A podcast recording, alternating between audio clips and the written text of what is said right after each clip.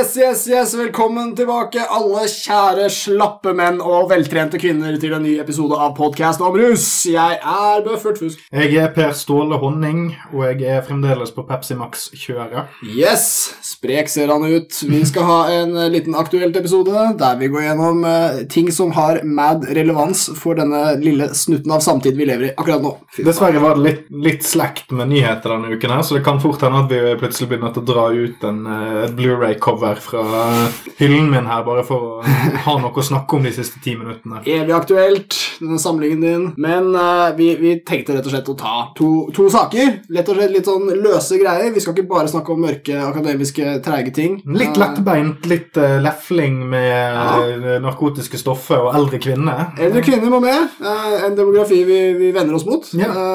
Stadig på jakt etter nye lyttere. Mens stadig eldre menn vender seg mot stadig yngre kvinner. Podkast om rusredaksjonen. Vi retter blikket mot fremtiden, altså går, 60 år gamle lærere. vi går alltid mot strømmen, og vi gjør aldri det gamle menn gjør. Det er stort sett den strømmen vi prøver å gå. Så da tenkte jeg at vi hyver løs på uh, denne gladsaken som vi åpner med i dag. Og det Vel, nå skal jeg passe meg for å kalle det en gladsak, men det blei ikke så verst til slutt. Uh, dette er en sak om en videregående skole i Trøndelag. Stedet heter Meldal. Uh, det er i hvert fall navnet på skolen. Og der er Visste det du at den skolen startet opp i 1946 med bl.a.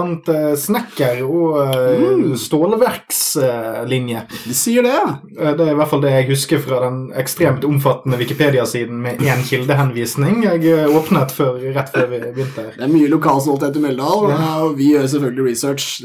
Uansett hvor langt sted du kommer fra, så kan du ta deg faen på at det er en lokalhistoriker som har opprettet tidenes minst etterrettelige Wikipedia-side.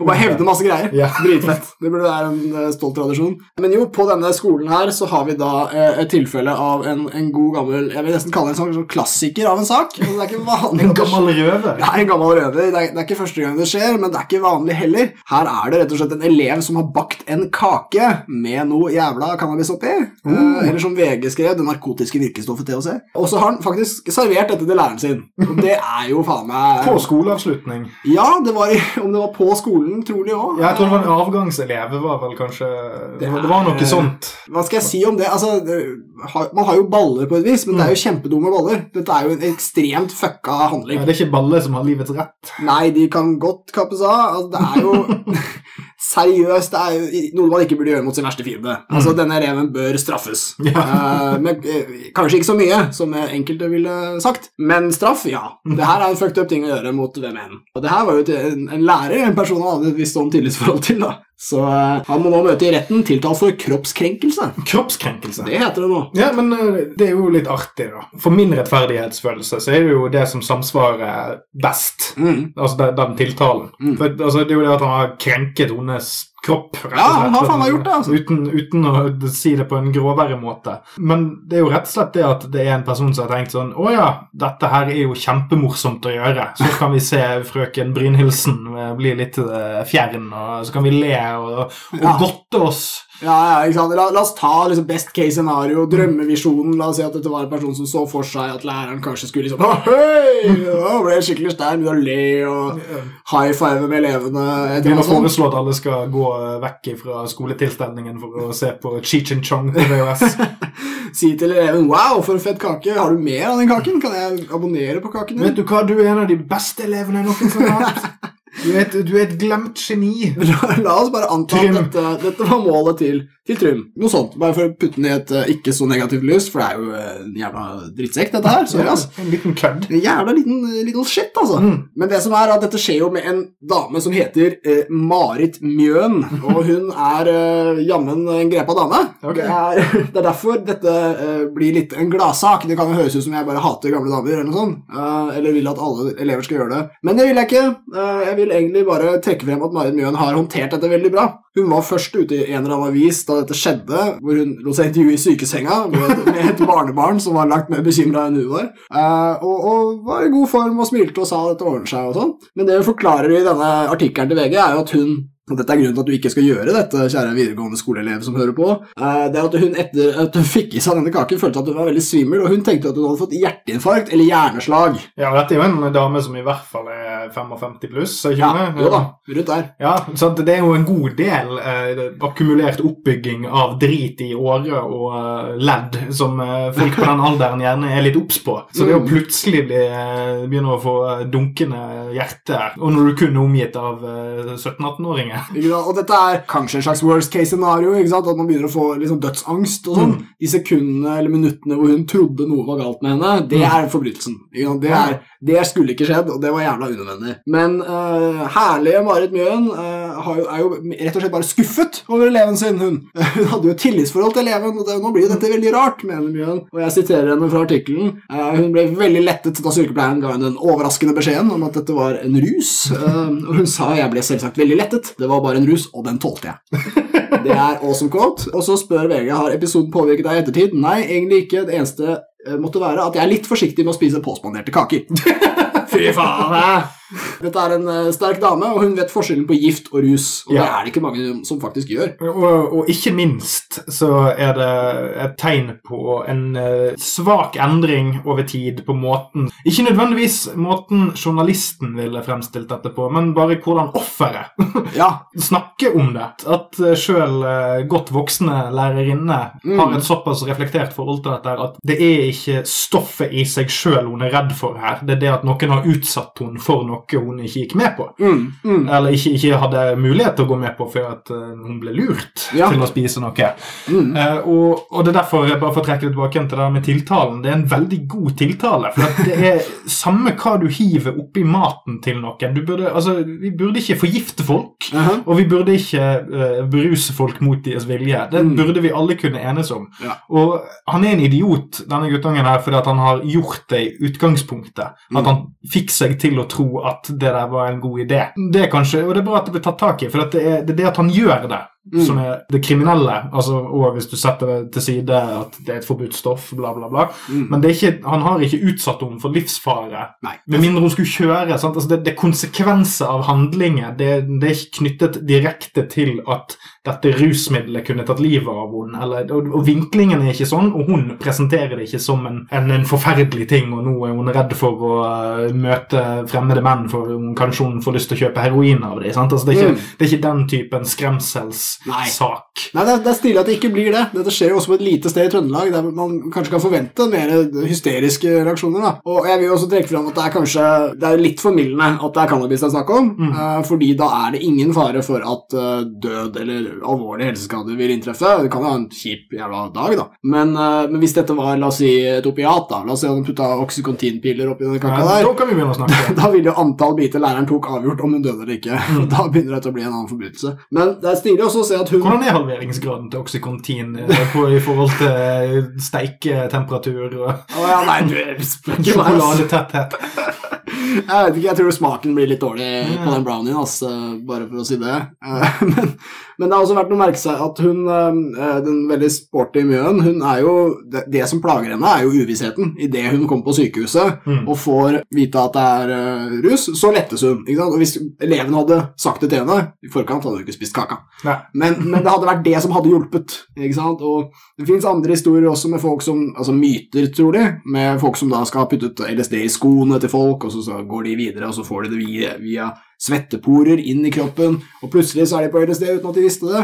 Da er jo det som gjør deg skremt og kanskje gal, eventuelt det at du ikke har en utløser, du vet ikke hvorfor det skjer. Det hadde vært veldig gunstig å vite at du har tatt LSD da. Eh, Men når du ikke vet det, kaos. Ja, men du kan jo ta en, eh, et helt vanlig ikke-rusrelatert eksempel. Mhm. Altså matforgiftning. Ja. Altså når, når det inntreffer, så blir du jo Om du ikke blir livredd, så blir du i hvert fall litt sånn 'Å, fy faen, dette er ekkelt. Hva faen er dette for noe?' Ja, Men, ja? Men etter de par første oppkastene, og så kjenner du smaken av den tingen du spiste for seks timer siden, så begynner det kanskje å, å danne seg et mønster. Sant? Da vet du hva da, da har du en rimelig tvil eller en rimelig sak for at uh, ja, det var nok kanskje den rollerburgeren på, på Shell-stasjonen som som gjorde det. den siste var. Sant? Eh, Så, men når det kommer til å putte ting i drinkene til folk, eller i kaffekoppen eller i matvarer, så er det sånn Da har du på en måte forgiftet normaliteten til det mennesket. Det er Ja. der overgrepet ligger. Det, det er mer det at du, du gjør, som hun nevnte i den artikkelen òg, at det, det, det var tillitsbrudd. Altså hun, det går ut over altså, tilliten den personen har til andre mennesker. Ja. Det kan potensielt påvirke måten de treffer andre mennesker på. Mm. Og Det spørs jo på alvorlighetsgraden og hvor fort det blir tatt tak i. eller, eller, la, la. Verre om dette hadde skjedd på byen, eller Ja. roofies og den slags type ting. Ja, altså, altså vil jeg altså, Hun trakk jo fram det at hun var lettet over at det ikke var en gift. Mm. Og, og igjen så er jo cannabis heldigvis veldig lite toksisk, så, så som sagt så er det ikke fare for, for det. Men, men jeg vil også si det da, altså, la oss si at i dette tilfellet er det en person som gjør det med overlegg. Han ville at hun skulle uh, bli rusa, men, men det er en litt sånn uh, sadistisk greie. Ja. uh, vil jeg si. Altså, vi kan sammenligne med å forgifte. Mm. Og selvfølgelig, en morder er jo på mange måter en verre forbryter. Får jo mer straff og sånn, fortjent. Men hvis du, skal, hvis du skal ta livet av noen og putte gift i drinken deres, så er det på en måte enkelt og greit. Det kan jo hende det er en vond død, men målet er død person, og så er personen borte, og så er det derfra fortsetter verden. Men hvis du putter LSD i drinken til noen, så kommer de til å sitte der i sånn 8-12 timer og ha det trolig ubehagelig, Mm. og så slutter det, og så lever de videre. Ha-ha. Hva slags jævla handling er det? Ja, for det er, er mangel, det er mangel på konsekvenstenkning. Og så er det mangel på empati.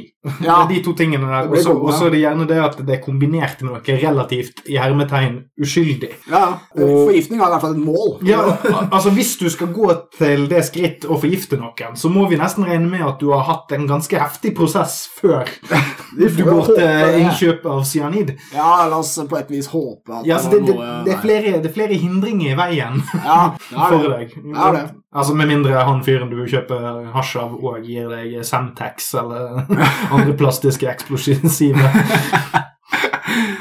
Men, men eh, hvis det hadde vært noe som hadde vært interessant med denne saken, det hadde vært å selvfølgelig få, få prata litt med denne gjerningsmannen, Mm. eh, Trym, eller hva vi kalte den. og jeg, jeg har jo bare et eneste spørsmål. Jeg, hva i helvete var målet med dette her? Altså, er, for jeg, jeg ser jo for meg denne glade, steile læreren med high fives eller noe. Det er det mest sympatiske målet. Mm. Det andre målet er jo, som du sier, litt sånn veldig uempatisk. Mm. Håper hun får det kjipt-type mål. Ja, Eller at du ikke Eh, tar, tar inn over deg at det kan være en konsekvens. Ja. Ikke nødvendigvis at du vil at det skal skje, men Nei, jeg putter godvilja til og tror ikke vedkommende ønsket henne vondt. Uh, men, men jeg lurer på hva målet var, for det gjennomtenkt kan det egentlig ikke ha vært. altså. Nei, også- ikke, i- ikke i særlig grad. Og i sånne, i sånne settinger så er det jo sånn Du bakte kaken og hadde den med deg. Ja. Du, du har ikke gjort det spesielt vanskelig å spore opp gjerningsmannen.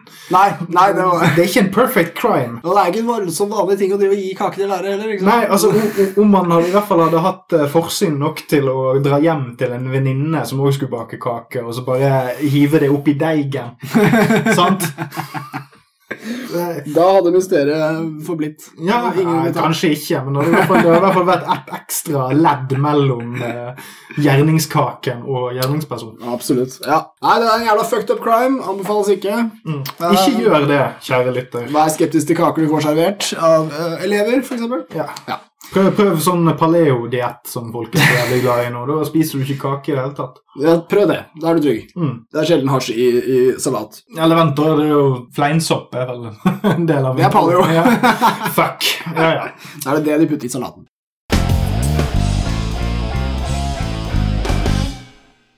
Eh, ja, da går vi videre på vår neste sak, som er litt mindre av en gladsak, men desto mer det vi driver med her, kanskje. Altså, Det er litt mer politisk edge, det er litt mer eh, hva det offentlige gjør om og med rus som er dust. Uh, som vanlig ganske dust. Uh, vi har jo da vært en liten tur på TV, lineær-TV, og sett på programmet OSL 24-7, et ganske kjedelig reality-TV-program om livet på Gardermoen, for der vil jo alle være Ja, for at nå lineær-TV er under såpass stort press at det er sånn, de, de stort sett sender ut sånn forespørsler til offentlige etater og spør sånn Hei, kan vi bare filme dere og ikke lønne dere for det? Ja, ikke sant? Klippe det sammen og Vi skal lage billig TV som nok folk ser på. en, en kameramann og en lydmann og en klipper. Det er liksom det du trenger for å produsere de programmene. Beklager til deg i Rubicon TV som eh, føler at jeg nå feilrepresenterer livsverket ditt. Jeg synes det er Helt greie shows, se på dem sjøl, men dere er late. Det er åpenbart billig, så kom igjen. Men dette showet her, det er jo da en sånn salig miks av folk som eh, salter veibaner og, og gjør masse kjedelige ting, skyter noen fugler og altså eh, Kjedelig på flyplassen. Selv de kule tinga på flyplassen. Ja, De kunne, kunne fått samme resultat og innhold av å filme på en gård. Det er fascinert av hvor kjedelig sted flyplass er. Det er jo sånn Ingen har lyst til å henge mer enn de må. Og, og selv når det kommer med gunneren på det showet her, ja, her er geværet, ja, nå skal jeg skremme de fuglene. Ikke sant? Det er så kjedelig. Alt selv når det er gøy, så er det kjedelig. Men de har tolv, og de har tyver, og det er gøy. Tolv og bøffing. Det er det showet har å by på. Og da er det selvfølgelig tollen som er mest spennende når de åpner noen pakker med noe noe drugs oppi, så er det spennende å høre hvordan de reagerer på det. Jeg liker jo mye bedre det australske Border Security-showet. Mye mer spreke Ja, kan du faen ikke ta med deg inn en peanøttpakke før du får Nei, nei, en bøter til alle kineserne og bare vinylbekledd hånd opp i endetarmen. Det er veldig mye action, og det er jævlig svære pakker med masse greier.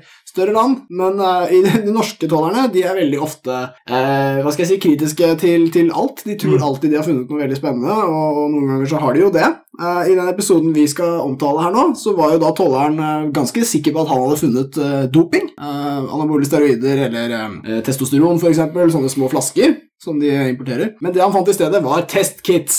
Og vi er jo så glad i testkits og alle deres eh, problematiske politiske sider. For de som ikke vet av lytterne, så er testkits eh, rett og slett små eh, kjemiske sett. eh, væskeblandinger som du kan dryppe på syntetiske rusmidler, gjerne, gjerne små biter av dem, for å verifisere hva det er. Rett og slett finne ut om pulveret ditt er MDMA eller kokain eller amfetamin. Eller. Så det er ikke rusmidler i testkits, men de brukes på rusmidler, og stort sett ulovlig. Så, da har vi det. Men så, så kommer denne tollermannen, da, skjeggete fyr, og så finner han dette her, og så sier han det er ikke ulovlig, men han velger likevel å si fra til politiet om at han har funnet dette her.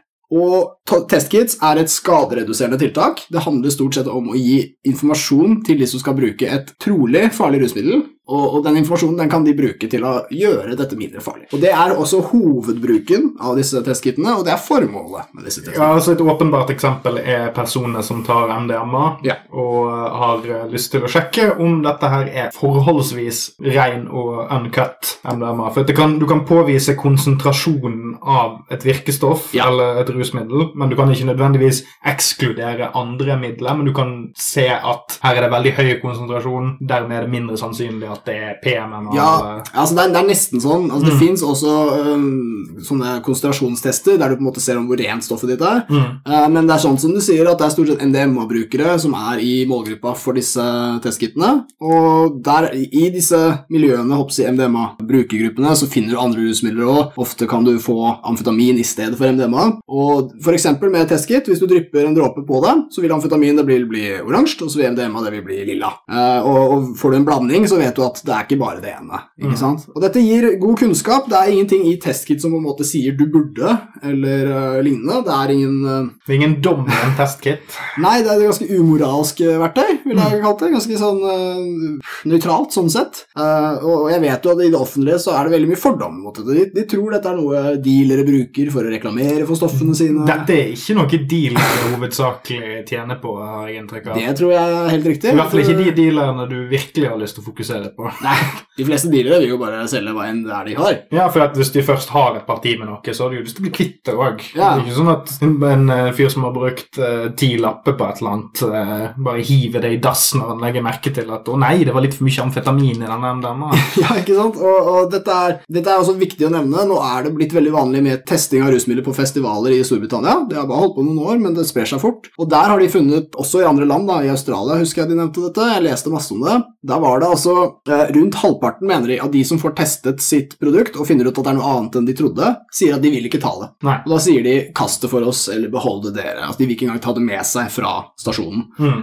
Og, og dette er jo et bra eksempel på at folk er, eh, ikke veit hva de tar, for det første, men også er veldig lite interessert i å ta noe de ikke vet hva er. Så, så den kunnskapen kan også føre til både færre skader, men også mindre bruk. Fordi folk er ikke interessert i å ta rusmidler hvis det er feil. I hvert fall en god del av det. Så dette er rett og slett bare bra. Altså Hvis testkits er overalt i samfunnet, så er sjansen for at eh, flere bruker rusmidler, den, den er ikke så stor. Kanskje de gjør det, kanskje det går opp litt. Men sjansen for at skade går ned, er kjempetydelig. Altså vil trolig skje. Ja, og så bare for å dra inn igjen det du sa der med at de gjerne legger fra seg stoffet som ikke er det de trodde Ja. ja, de kjøpte, Mm. eh, og knytte det litt opp til eh, hva tollvesenet gjør.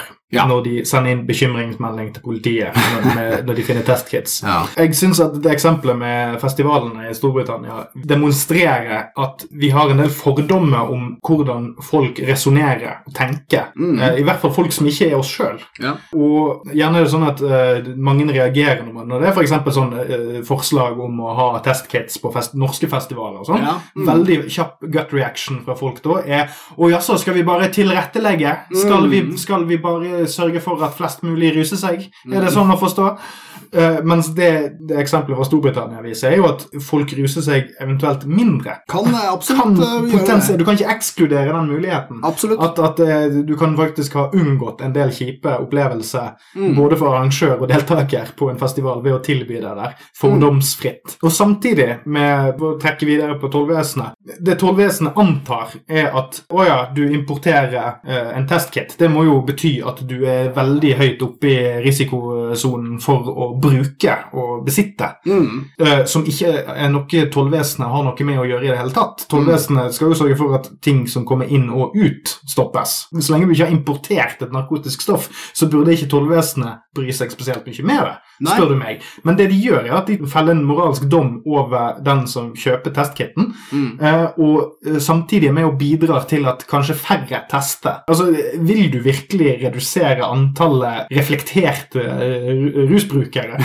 Dette er en sånn krasj mellom uh, nymoderne og gammeldags uh, rushåndtering. Ja, virkelig. Og, og vi skal tilbake til dette med at, eh, at tollen veldig, ser ut til å være veldig ivrig på dette med å begrense og, og jakte på dette med bruk. Uh, men, men før jeg tar det, så vil jeg bare bruke det begrepet til å, å vise at vi i England, der de har begynt først med denne testingen i Storbritannia, så er det en veldig stor MDMA-kultur. Det er veldig veldig mange brukere, og det er veldig mange klubber, og alle vet dette. på en måte. Det er, det er veldig etablert og veldig bred kultur for dette. Men det er forbudt å bruke. Det er straffbart, du kan få bot osv. Jeg tror veldig få får det. Jeg tror kanskje flere får det i Norge. Men det var likevel, og av den grunn så tror jeg det også var vanskelig å få det gjennom i England eh, og, starte med disse testene. Men med en gang de var etablert, så var det helt uaktuelt å slutte med dem. Fordi de har gode resultater. Men hva er det som er greia da, med at i England så er bruk forbudt, men de klarer å tolerere rustesting likevel? Mens i Norge så ser det ut som det er helt umulig. Mm. Eh, og det vi sier er at ja, men bruk er forbudt. Ja, men bruk er forbudt i veldig mange land. I hvert fall Mm. når det kommer til MDMA.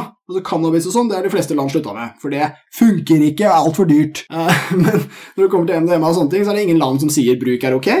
Bare salg er forbudt, liksom. Kanskje Portugal og andre med sånne brede rusreformer. Men hva er greia med at vi i Norge ikke altså, bremser skadereduksjon fordi vi har denne nesten symbolske politikken knytta til bruk? Det vil i så fall bety at de ønsker at brukere skal uh, gå glipp av informasjon som kan hjelpe dem, for at de derfor skal bli skremt, demotivert, et eller annet, kanskje til og med dø.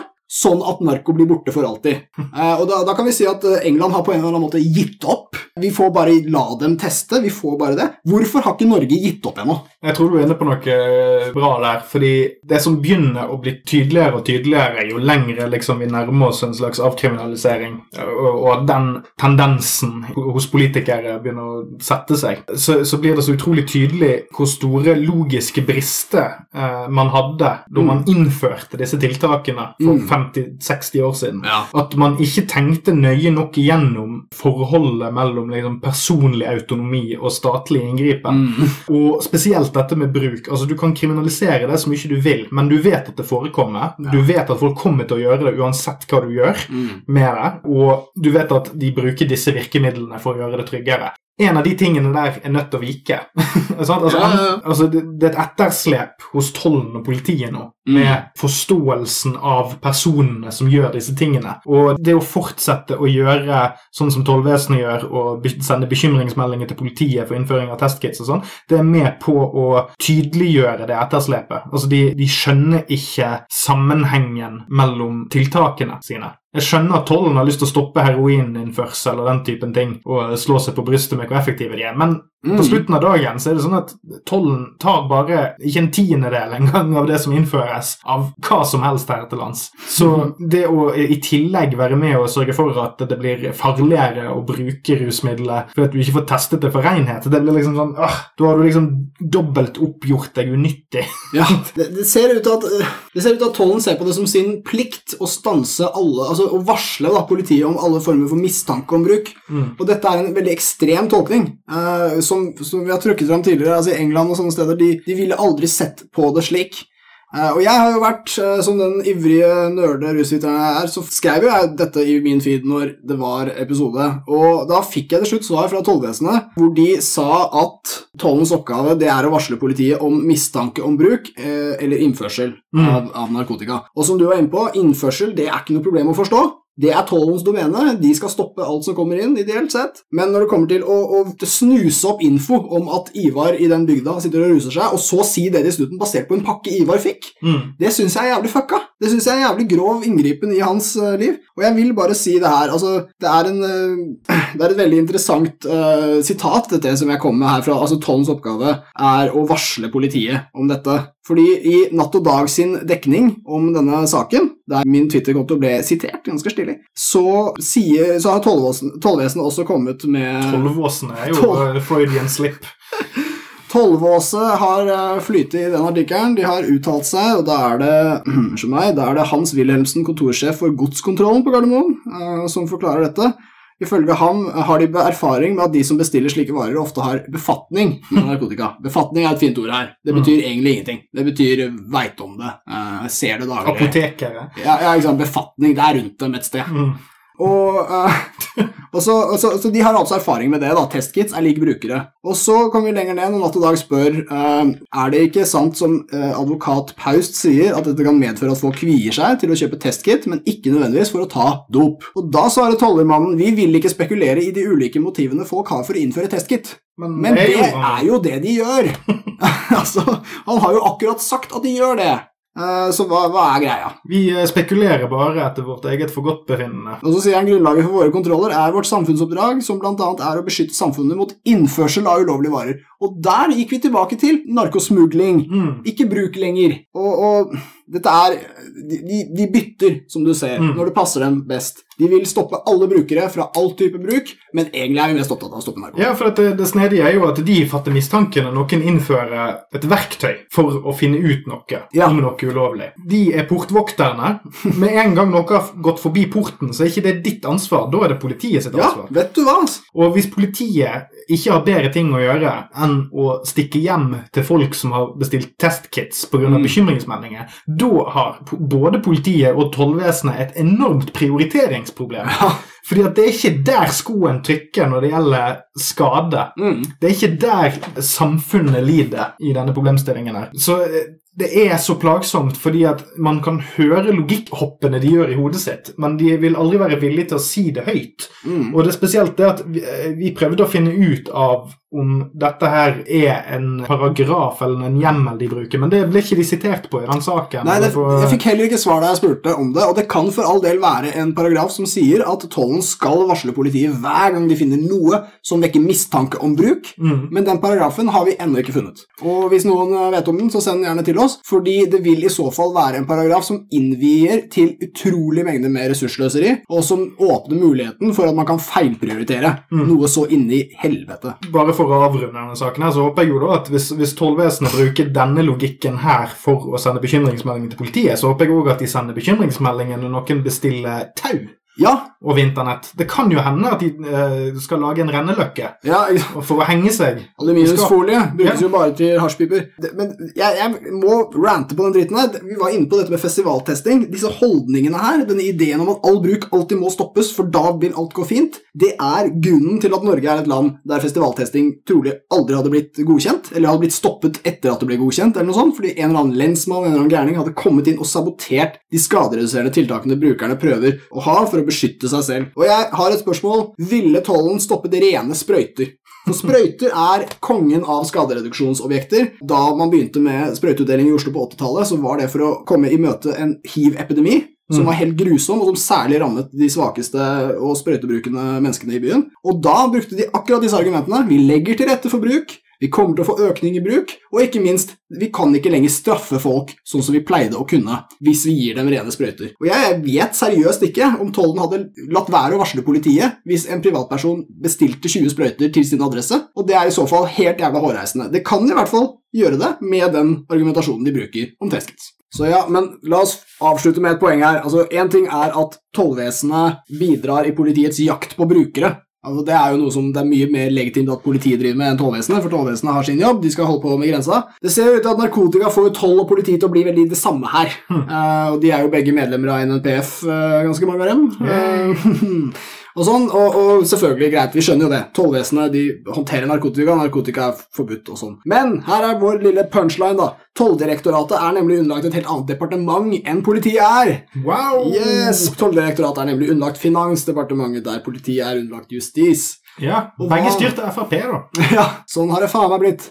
Men det interessante her er at vi uh, prøver å få testkits til å bli uh, vanlig. At den skal rett og slett spre seg ut til de tusen hjem, i hvert fall de tusen narkobrukende hjem, som politiet helst ikke skal få vite hvilke er. Mm. Uh, men det, er jo, det vi egentlig tar til orde for, er at det burde være en lovlig salgsvare. En handelsvare. Det er det Finansdepartementet driver med. Mm. Ting skal kunne selges og, og tjenes penger på. Vi må ha arbeidsplasser fra testkits. Ja, altså Teknisk sett så er jo det eneste juridisk holdbare argumentet til tollvesenet ah. i en sånn sak som dette her, må jo være at det å importere testkits er en trussel mot det norske testkit-markedet. Ja, som ikke fins. Ja. Så vi må jo egentlig bare oppfordre alle skitne hippier der ute med et uh, lite sånn uh, utsalgssted for røkelse og andre ting. Dere må jo bare steppe opp gamet og Ja, Sett i gang. St start, Lag en startup. Det er jo det som er så forbanna populært for tiden. Du må bare dundre på, være grossist og gründer, eller hva du skal kalle det. Ja, vet du hva? Her er det penger å tjene, og tollvesenet har selv sagt vi beslaglegger ikke. Dette er en lovlig vare. Alt vi gjør, er å tyste til politiet og gjøre at du får masse pes. Ja, så la oss gjøre det vanskeligere for deg. Ja, så la oss få dette til å bli en handelsvare, slik det tollvesenets sjefer i Finansdepartementet sikkert ville satt pris på hvis det ble vekst av det. Mm. Og det ville det blitt, skal jeg si det. Ja, og om det er noe eh, rusbransjen og Mm. eh, finansbransjen eh, har til felles, så er det jo at vekst det er alltid bra. Ja, det skal jeg love deg. Så vet du hva?